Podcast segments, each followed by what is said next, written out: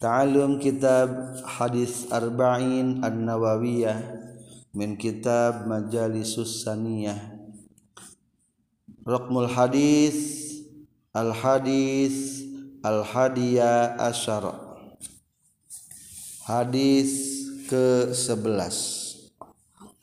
Alhamdulillahi ala jami'in ni'am wassalatu wassalamu ala sayyidina Muhammadinil mab'uthi lil khairil umam sallallahu alaihi wa ala alihi wa sahbihi wasallam amma ba'du. An abi Muhammad. Katampi ti abi Muhammad.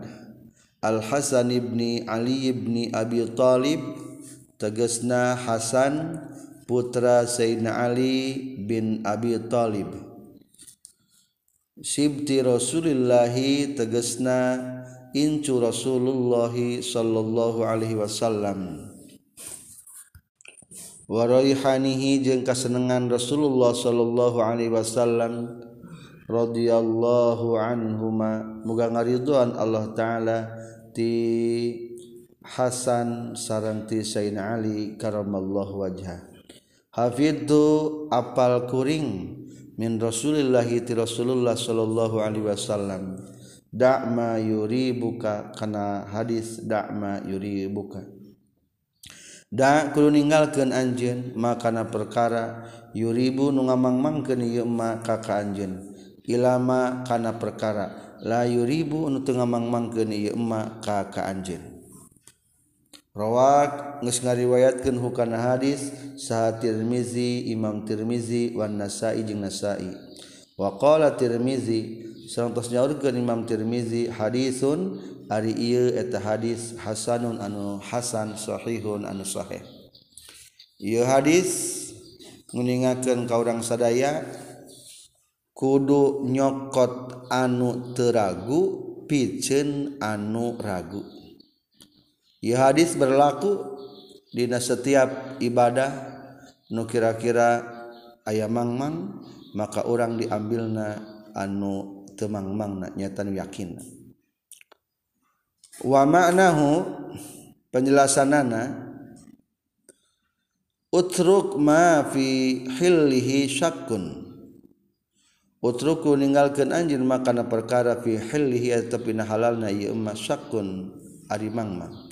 ilama kana perkara lasak kana tayamang mangeta tetep dina taliban karena nyupri libaraati dinika kana kebebasan agama anjin wa irdika jeung kehormatan anjeun.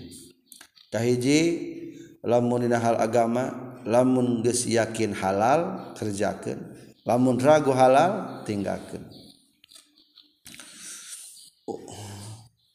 wa ma'nahu jeung ari mana hadis aidon deui raji' kudu balik anjeun ila makna hadis kana makna hadis innal halala bayyinun fama mangkali perkara zakaru nyaritakeun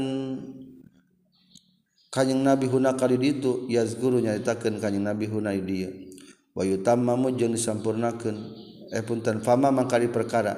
Dukira nu caritakeun ieu mah huna kali ditu yuzkaro dicaritakeun ieu emak huna di dieu.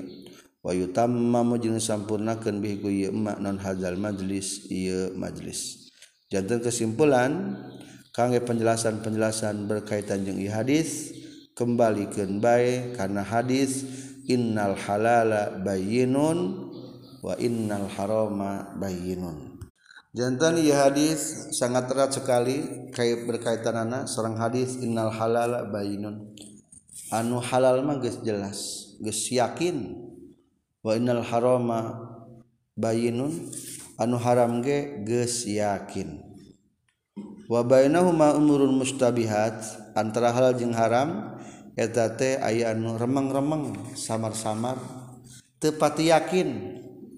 Tah sebaiknya lamun teu pati yakin kitu maka ambillah anu yakinan lamun badai istihad lamun orang terapal sesuatu hukumna sebetulnya para ulama terus memberikan cara yang mengurai hal anu subhat. Maka para ulama wa yu'allimuhumnal ulama bin nasin ketika ayat samar-samar maka kembalikan karena nas Qur'ana atau nas hadisna. Lamun aya kiasin atau kembalikan karena kias bandingkan jeung sajana kumaha hukumna brandy kumaha hukumna whisky sami be khamar maka jelas haram. Kumaha hukumna MLM naon supaya hukumna? Lamun ketika aya unsur kejudian berarti halal haram. Aw istishab atau kembalikan kan asal pokoknya jadi sebetul nama hal-hal anu halal jeung haram teh setiap perputaran waktu perputaran zaman kadang-kadang berkembang. Bala merentenir akhirnya disebut tambang emok. So, jadi kata nate dikembang dikemas. Pokoknya orang sedaya tinggalkan anu ragu-ragu ambil anu geus yakin halalna. Jauhi anu geus yakin haramna. Itulah hadis ke-11